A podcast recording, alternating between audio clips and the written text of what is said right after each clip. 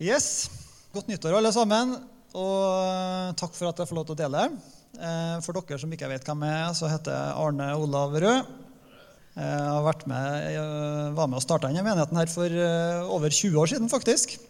Så eh, veldig kjekt å få muligheten til å dele Guds ord i dag eh, med dere. Og det som står på blokka i dag, er egentlig en sånn eh, Det blir nok en bibeltime, men eh, ispedd mye sånn at det skal bli greit å høre på, forhåpentligvis. Så eh, helt innledningsvis så ønsker jeg å lese en eh, bibeltekst, og da kan vi slå opp i Hebreerbrevet kapittel 5 eh, og vers eh, 11. Så hvis du har en bibel med deg, så må du gjerne slå opp i den. Jeg har jo ofte skolegrupper oppe her, og da har vi øvd på å slå opp i Bibelen. Og det er en god ting å øve på hvis ikke en er så vant til det fra før. Hebreerbrevet, bare for å ta det kort, da, jeg hopper jo rett inn i teksten her. Det er jo en tekst hvor, hvor det er en del store tema og linjer til Gammeltestamentet blir eh, kommentert. Og eh, i dag så skal vi jobbe en del med ting som er ganske framtredende i Gamle testamentet, men som vi egentlig aldri tar oss tida til å snakke ordentlig om. da. Så det, det, er dagens tema. Men når forfatteren da kommer til kapittel 5 av vers 11, så står det altså følgende Om dette har vi mye å si, men det er vanskelig å forklare siden dere er blitt så likegyldige til å høre. Etter så lang tid burde dere selv være lærere, men dere trenger noen som på nytt kan lære dere det første og grunnleggende Guds ord. Dere er blitt slike som trenger melk og ikke fast føde, for den som lever av melk, er et spedbarn og forstår seg ikke på budskapet om rettferdighet, men fast føde er for de fullvoksne, de som ved å bruke sansene har øvd dem opp til å skjelne mellom godt og ondt. Derfor skal vi gå videre fra det første vi lærte om Kristus, fram mot full modenhet. Vi vil ikke på nytt legge grunnvollen med omvendelse fra døde gjerninger og tro på Gud med undervisning om renselsesbad og håndspåleggelse, om det dødes oppstandelse og evigdom. Slik skal vi gå videre, om Gud vil. Du skal ikke ha gått så veldig lang i kristent fellesskap før du har snakk om grunnvollen. Sånn at De som har vært med en stund, har jo gjerne hørt denne teksten som en introduksjon til å snakke om grunnvollen. Men hvis vi tar med de versene i forkant her, så snakker jo forfatteren om melk og fast føde. Og i vers 13 så snakker han om at den som lever av melk, er et spedbarn og forstår seg ikke på budskapet om rettferdighet. Og Rettferdighet er jo et begrep som du finner gjennom hele Bibelen. Og jeg vil jo påstå at jeg har gått ganske lenge på kristne møter. Hånda opp hvis du er uenig i at Men det er veldig sjelden at jeg, at jeg har hørt en veldig sånn utlegging om begrepet rettferdighet. Så i høst så har jeg fått muligheten til å studere det emnet litt, og det har jeg lyst til å dele litt med dere i dag. Så i dag så blir det rett og slett en, en bibeltime om begrepet rettferdighet. Eh, og Det er veldig bra at du jubler, Siri, fordi at eh, de fleste tenker å nei, det er jo dritkjedelig.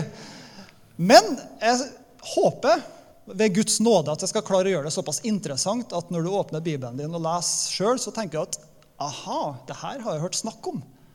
Så at du kan lese Bibelen i lys av det som vi skal snakke om i dag.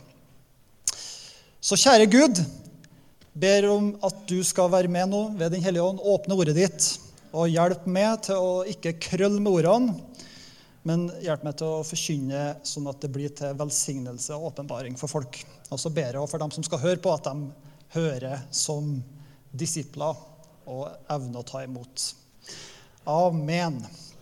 Yes, da kjører vi. Og bare for å ta det med rettferdighet, da. Eh, fordi at rundt oss i den verden vi lever i, i moderne Vesten, så er rettferdighet en av de store, store temaene. Det går ikke an å forstå moderne Vesten uten å komme innom begrepet rettferdighet. Hele feministbevegelsen handler om rettferdighet, om rettigheter, om at det skal være like rettigheter for mennesker. Og mye av de kulturkampene som vi ser omkring, omkring oss i Vesten i dag, handler om rettferdighet for utsatte grupper. Sånn at rundt oss i denne verden som beveger seg utenfor Misjonskirka, så er veldig mange opptatt av det at ting skal være rettferdig. Og Bibelen har òg veldig mye å si om det. Og etter mitt skjønn så er Bibelens budskap så bra på det området her at vi trenger å ha så mye kunnskap om det at vi kan bevege oss ut i verden og tenke at den rettferdigheten som evangeliet forkynner, er svaret for verden vi lever i. Det fikk du konklusjonen på forhånd. Nå håper jeg at jeg klarer å utlegge dette, sånn at eh, du klarer å nikke etterpå. La oss starte med Gud. Fordi at noe av det som du oppdager når du leser om Gud i Bibelen, det er at Gud er rettferdig. Det er, som, det er en sentral egenskap og et kjennetegn ved Gud som det er umulig å komme bort ifra, fordi at det gjennomsyrer hele Bibelen. F.eks. de versene som er sitert her, fra 5. Mosebok, så står det om eh, Gud at hans veier alltid er de rette, en trofast Gud uten svik, rettferdig og rettskaffen er han. Profeten Jeremia, for jeg er Herren som viser miskunn, rett og rettferd på jorden.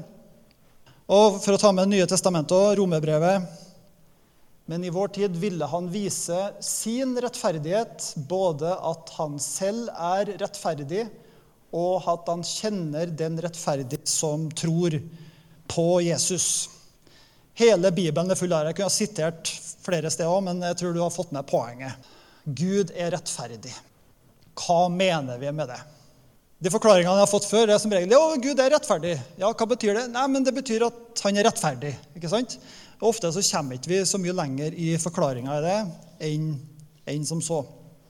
Men la meg gjøre et forsøk da på å bore litt i hva det her betyr. Eh, og det er primært to sider ved det at Gud er rettferdig, som det er greit å vite om. For det første så, det første så betyr det at Gud er ikke bare rettferdig sånn som vi mennesker kan føle at vi har en rettferdighetssans. Men Gud er, han er selve målestokken og definisjonen på rettferdighet. Han er rettferdig i sin natur. Det går ikke an å få noe mer rettferdig enn Gud. Han det han sier, og det han gjør, er fullkomment rettferdig fordi at han er Gud. Og hva betyr det? Jo, det betyr bl.a. at Gud har integritet. Og Gud har ikke integritet til å gjøre noe annet enn å behandle alle mennesker rettferdig. Derfor så vil du finne flere vers i Bibelen som det står at Gud gjør ikke forskjell på folk. Han lar seg ikke bestikke, men Gud behandler alle mennesker fullkomment rettferdig. Sånn er jo ikke vi. Ehm, forskning viser blant annet, Svensk forskning viser jo bl.a. at eh, pene mennesker får lettere jobb. Ehm, jeg leste til og med en sak her når jeg googla tidligere i uka at eh, snygge politikere får flere røster. Eller altså pene politikere får flere stemmer. Sånn at i vår menneskelige skrøpelighet så ligger det en sånn tilbøyelighet til at vi, vi har preferanser. Vi har favoritter. Det er noen som på en måte eh, vi liker bedre enn andre, og som dermed fort ubevisst behandler bedre. Jeg skal ikke begynne å gå inn på mine erfaringer på arbeidsmarkedet. Det, det er litt sammensatt, det òg, men eh, jeg har jobb, heldigvis. Takk Gud for det. Eh, men Poenget mitt er at Gud hever seg over den måten å behandle folk på. Gud deler ikke ut ekstrapoeng for at vi er norsk, eller fordi at vi er veloppdratt, eller fordi at vi gjør de riktige tingene, eller fordi at vi syns at vi gjør de riktige tingene, eller fordi at vi mener at vi har så gode intensjoner at vi bør få litt ekstrabehandling. Gud er rettferdig. Og Det betyr ikke at Gud er like hva skal jeg si, Eh, det kom jo et profetisk ord her om eh, eh, knytta til at noen er redd at Gud er streng. Så vidt jeg husker, var det. Jeg husker, Sint, ja. Sint var det. ja. Men det, det, er på en måte på den motsatte måten at Gud han elsker oss med en så stor kjærlighet at det nesten er for mye å ta imot. Men Gud er rettferdig på den måten at han elsker alle de andre menneskene vi møter i vår hverdag òg, med den samme fantastiske kjærligheten. Og når vi slipper det innpå oss, hvor overveldende stor den kjærligheten Gud har, har til alle de menneskene som vi treffer i vår hverdag, så gjør det noe med oss og måten vi ser andre mennesker på. Og hele den sida der er en veldig integrert del av Guds rettferdighet. Fordi Gud elsker alle mennesker. Han gjør ikke forskjell på folk. Og han ønsker å være den utstrakte hånda til de menneskene vi møter i vår vei. Og han ønsker å strekke seg ut til oss. Så det gjør bl.a. at når Gud er rettferdig, så betyr det at han ikke kan se mellom fingrene på synd.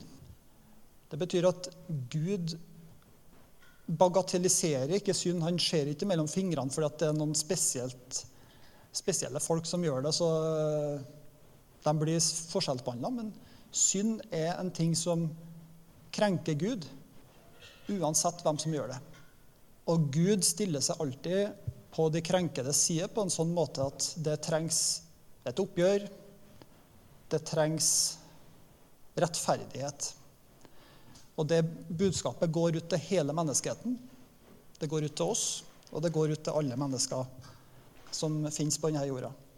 Så det betyr at hvis Gud hadde, hadde integritet og sagt at det var ikke så farlig med den tingen der Æsj, da.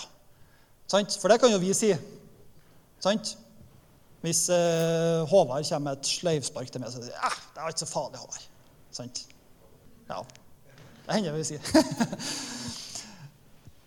Sant? Men når du aggregerer alt dette opp på et nivå av at uh, du krenker mennesker, så har ikke Gud samvittighet til å si at det der var ikke så farlig. Og Det er egentlig, det går an å si mye om det her, men det er jo hele bakgrunnen for at Jesus gikk veien til Golgata. Det er for at det trengs et oppgjør. Det trengs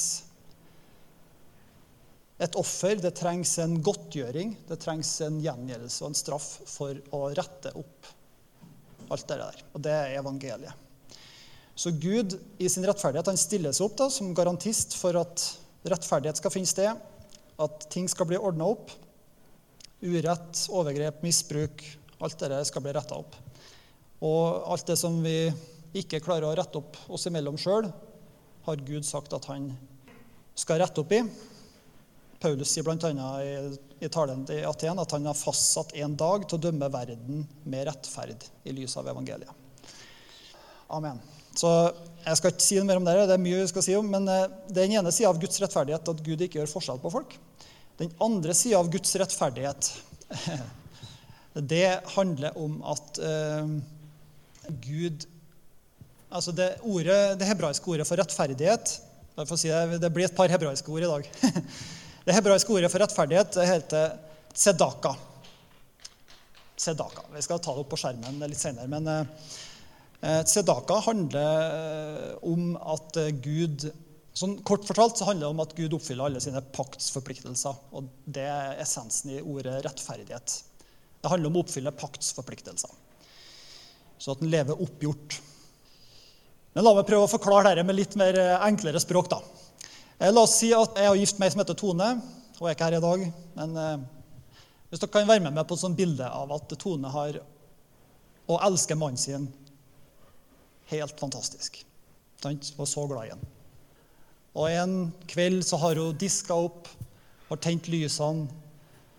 Hun har tenkt at dette skal bli en fantastisk flott aften der hvor hun skal være sammen med ektemannen sin og hun har bare så lyst til å være sammen med ham, og det er ingenting i henne som hindrer henne fra at hun skal bare være sammen med han, for at hun elsker ham så høyt. Mm, Tenk deg å være gift med henne. Men så kommer ektemannen inn i stua. Han eh, leter etter hvordan han kan klare å unngå å møte blikket hennes. Ser, litt på telefonen, setter seg litt sånn lukka kroppsstilling. Tone sier 'hei'. 'Hei', Svarer ektemannen. 'Hei'. Og hele situasjonen bare lyser av at det er ei som ikke har noe problem med å være sammen med ektefellen sin, mens den andre har åpenbare problemer med å imøtekomme. Allerede nå så begynner jeg å tenke på hva som gjør at uh, han ektemannen ikke klarer å imøtekomme kjærligheten han blir møtt med.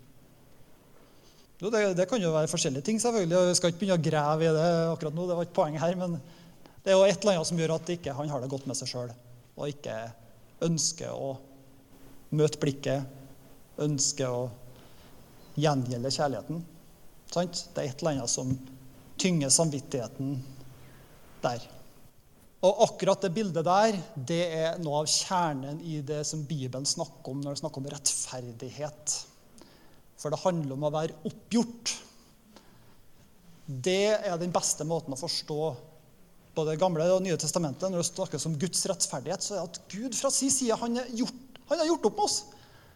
Gud har ikke gjort noen ting som han føler dårlig samvittighet for overfor oss. Han er oppgjort. Han har skapt oss, han har elska oss. Han har lagt alt til rette. Og han bare elsker oss, og han har lyst til å være sammen med oss, sånn som jeg beskriver da hun kona i huset. Sant? Sånn er Gud. Men så forteller Bibelen nå en historie om at hvis ikke du er oppgjort med Gud, så er det vanskelig å være i nærheten av ham. På en måte kan du si at det var imponerende av han ektemannen i den siste historien vi hadde hele tatt kom inn i stua. For De fleste går ikke inn i stua engang. Sant? Men når de går inn der, så tenker jeg det er et eller annet her som er ikke gjort opp. Jeg klarer ikke å møte blikket. Sant? Og det er det bibelske bildet på rettferdighet, eller det å være urettferdig.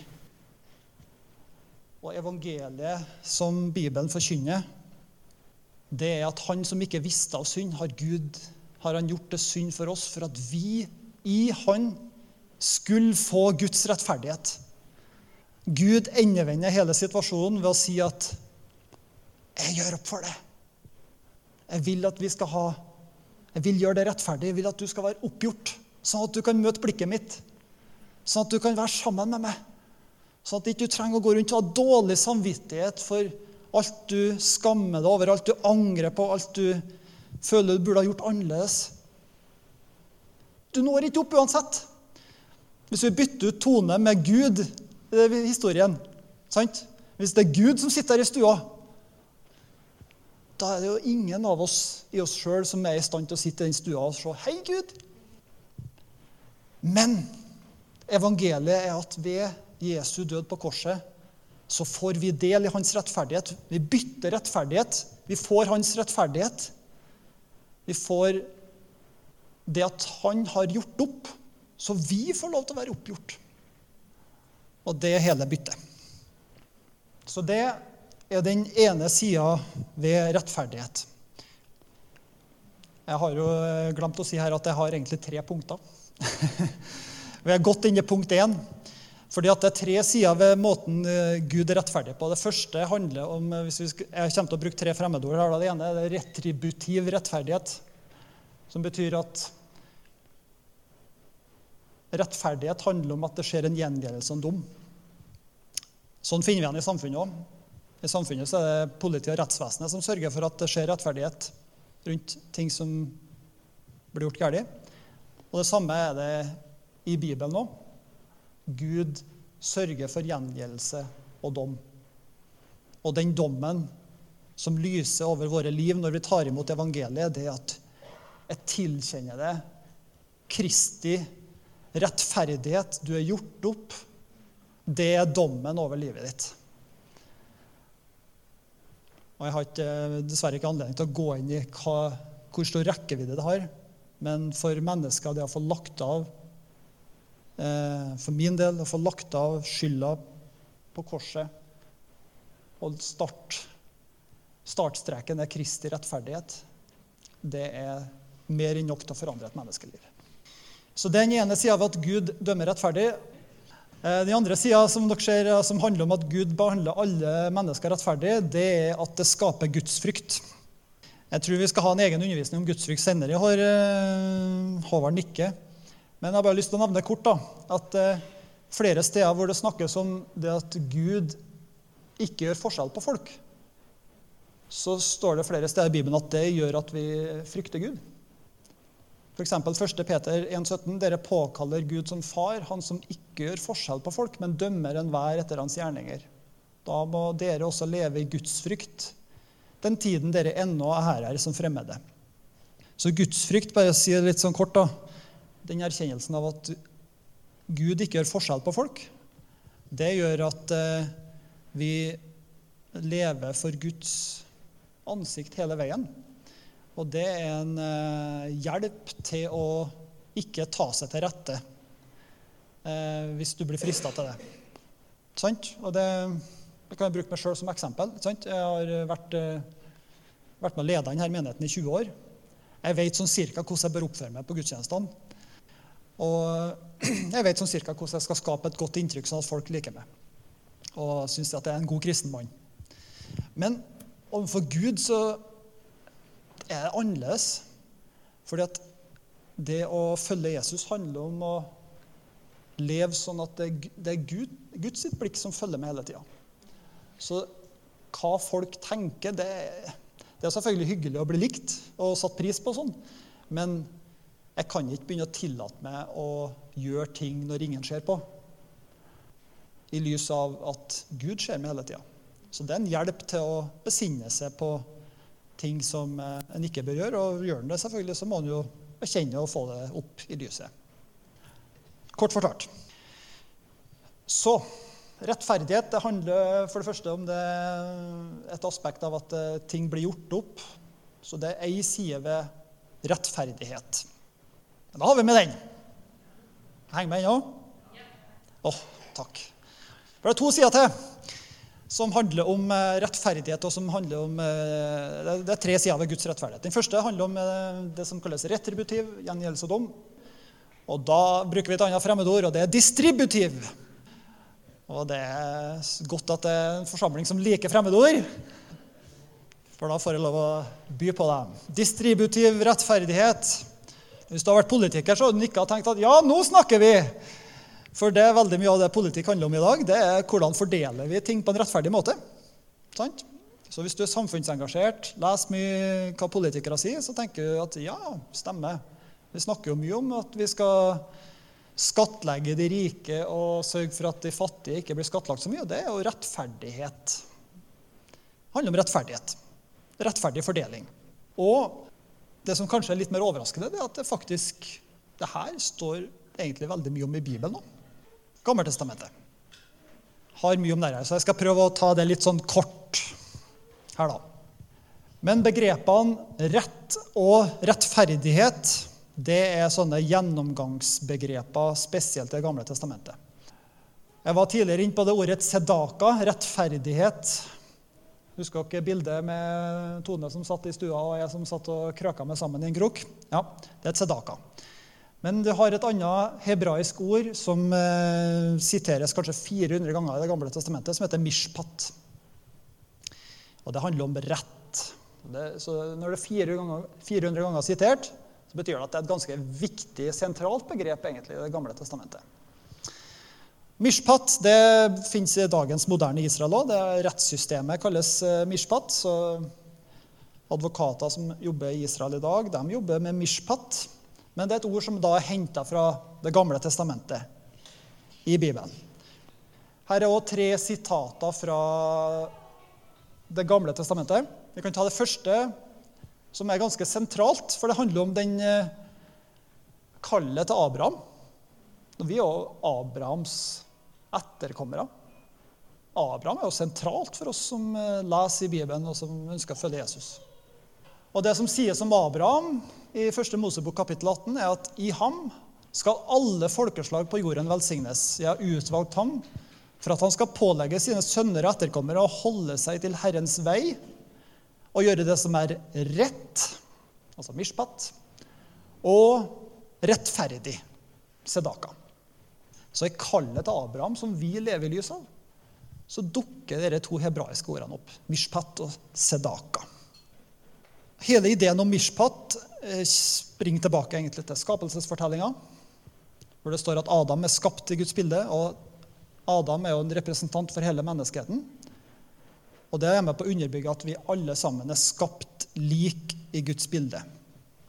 Ehm, så hele den fortellinga får jo et spesielt lys når en skjønner at omliggende kulturer eh, rundt Midtøsten eh, der var det vanlig at det kanskje var kongen som var bæreren av Guds bilde. Sant? Eller farao. At han var den som bar Guds bilde, mens resten ikke gjorde det. Sant? Henger dere med på det? At eh, kongen på en måte ble litt sånn guddommeliggjort og opphøyd, sånn at den nesten ble som Gud sjøl.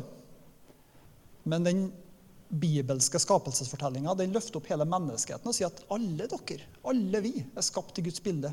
Vi er like. Det er ikke noe grunn til at det er én person som har en spesiell favorisering hos Gud, for alle sammen er skapt i Guds bilde. Og når du forstår at det er grunntanken i hele Bibelen, hele Gamle testamentet, hele Nye, så skjønner du plutselig at veldig mye av det som står i Mosebøkene og profetene, det tar utgangspunkt i det og gjerne korrigerer hvis det ikke er sånn. For så finner vi i Moseloven at det ikke var lov å gjøre sine egne landsmenn til slaver. Sant? Hvis, eh, hvis, jeg har vært en skikkelig steinrik kar, og Kristian har vært lut fattig, så har jeg ikke kunnet tillate meg å si du, Kristian, nå skal du være slaven min. Og jeg skal behandle deg akkurat sånn som jeg vil. ikke sant? Det er et veldig ekkelt bilde, egentlig. Jeg har ikke villet gjort det. Jeg har ikke samvittighet til det. Kristian. Men, men eh, Moseloven forbyr sånn type oppførsel. Den tenker at Vi begge er skapt i Guds bilde. Vi tilhører Gud. Jeg kan ikke tillate meg å kjøpe en min bror som slave og eie en resten av livet og bruke en sånn som jeg vil. Så jeg best, Men for å løse eh, Hvis Kristian hadde vært fattig og, og løst det, så ville Moseloven sagt at du kan, du kan ansette den som leiekar i seks år, men det er maks. På det sjuende året så skal han settes fri. Det er greit, for da vil du avhjelpe Kristian sin eh, fattigdom, f.eks. Det hadde gått an. Eller du kunne eh, Ja, det finnes flere rundt der, da. Men bare som et eksempel på at eh, menneskesynet i Bibelen er veldig sånn likhet. Sånn at det med fordeling det er på en måte gjennomsyre rettferdig fordeling. gjennomsyre Gammeltestamentet. Det står i det andre verset som jeg sitter her. Det handler om mishpat. og Det var den retten som prestene, eller levittene Det er jo da en av de tolv stammene i Israel som ikke skulle eie jord sjøl. Jeg er jo en familie med masse bønder. Sant? Eh, alle mine slektninger er jo bønder omtrent oppe i Sokndalen. Men jeg har valgt å flytte til byen og jobbe som prest omtrent. I hvert fall er det mamma og pappa sier når jeg skal prøve å forklare hva Arne Olav jobber med til folk som er fullstendig intetanende. Så på mange måter er jeg litt sånn levitt. da, ikke sant? Jeg har ikke noe jord sjøl. Annet enn plena som jeg driver og sår. Men uh, Tar vi med i Moseloven sin tankegang, så er det sånn at eh, prestene hadde rett, eller mishpat, til å kreve fra folket, fordi at den tjenesten de gjorde for, å, for uh, tempelet og prestetjenesten, bære fram offer for folk Det måtte jo gå rundt sånn at de ikke satt og var sultne hver bidige dag, dere stakkars prestene som ikke hadde noe jord. Så Derfor så regulerte Moseloven dette og sa at det er deres rett å få eh, livsopphold fra dere. Men det aller viktigste er kanskje det siste verset her. da. Det er Henta fra Jesaja. Lær å gjøre godt, søk det som er rett. Mishpat, hjelp de undertrykte, vær forsvarer for de farløse, før enkers. Det er jo hovedmelodien i hele ideen om mishpat i Det gamle testamentet. Det er at det handler om å hjelpe fattige, enker, farløse, innflyttere sånn at ingen lider nød i Israel. 90% av alle tilfellene hvor Mishpat omtales, handler om dette. Så for å dykke litt opp igjen fra detaljene her, for jeg skjønner at dette går fort litt over hodene på folk. Gud ønsker å bygge et rettferdig samfunn der hvor ting blir fordelt, og der hvor alle har det de trenger. Det var grunnmelodien i det gammeltestamentlige Israel. Så 90% av de tilfellene hvor det her snakkes om det gamle testamentet, så handler det om hjelp de fattige. Ta dere av enkene, de farløse. Og dem som flytter inn og vil bo i landet deres, skal dere ta dere av. Om dere glemmer alt annet som jeg har sagt de siste fem minutter nå, Så husk på det her. Det her tar vi med oss inn i den nye pakt og det nye livet som vi lever i i dag. Fordi Det nye testamentet er full av formaninger om å huske på de fattige. Ta dere av de fattige. En ren og usminka gudsdyrkelse er å se til enker og farløse. Og holde seg upletta av verden. Ikke sant? Jakob, kapittel 1. Og det er masse eksempler. Jeg skal ikke gå inn på alt det i Moseloven. Men Gud har allerede tenkt på hvordan han skal bygge et rettferdig samfunn. Det er ikke bare verden rundt som er opptatt av det med woke og Black Lives Matters og, og andre eh, aktivistbevegelser. Men det her har ligget på Guds sitt hjerte hele veien. Sant? Så den distributive rettferdigheten, det å ta oss av folk, det å fordele goder sånn at alle har det de trenger, det er en sentral del av det å leve rettferdig og leve i lys av Guds rettferdighet. Så la oss gå inn på det siste punktet nå i denne veldig krevende bibeltimen som folk stadig er våken på. Fordi at siktemålet med det som det å, For det første med at Gud sørger for at, å gi oss sin rettferdighet. At vi får gjort opp med våre ting. At vi lærer å leve i Guds frykt, sånn at vi har respekt for andre mennesker og for Gud følge hans veier. Sånn at vi lærer å leve rettferdig og ta oss av folk. Det er med på å skape den verden med rettferdighet som Gud lengter etter. Og Da er vi inne på det tredje fremmedordet jeg prøver å lære dere i dag. Restaurativ. Åh, jeg liker fremmedord. Håper det er i hvert fall 5% av salen nå som er med på det. Restaurativ. Gud gjenoppretter. Gud har en tanke når han skapte dette universet, at han vil gjenopprette det sånn at det, den tilstand av shalom Nå fikk du det tredje hebraiske ordet shalom fred. Fred og forsoning preger verden. Enkelte kommenterer jo at det, når vi oversetter det hebraiske ordet shalom med fred på norsk, så blir det sånn blodfattig. Og på en måte så kan han ha rett. Altså, vi, vi, vi, håper jo på fred i Ukraina. Sant? Men uh, i første rekke så håper vi jo på at de slutter å sende bomber på hverandre. Eller rettere sagt russerne på ukrainerne. da. Sant? Og Da snakker vi, ja, da blir det fred hvis de slutter å bombe. Men i lys av det som Bibelen og Det gamle testamentet snakker om shalom, så er det litt mer enn bare at de ikke bomber. altså da er det en tilstand av at det faktisk er godt å leve. Det er fred, det er harmoni, det er oppgjorte relasjoner. Du kan treffe på hvem som helst på gata og si 'Hei, så koselig å se deg'.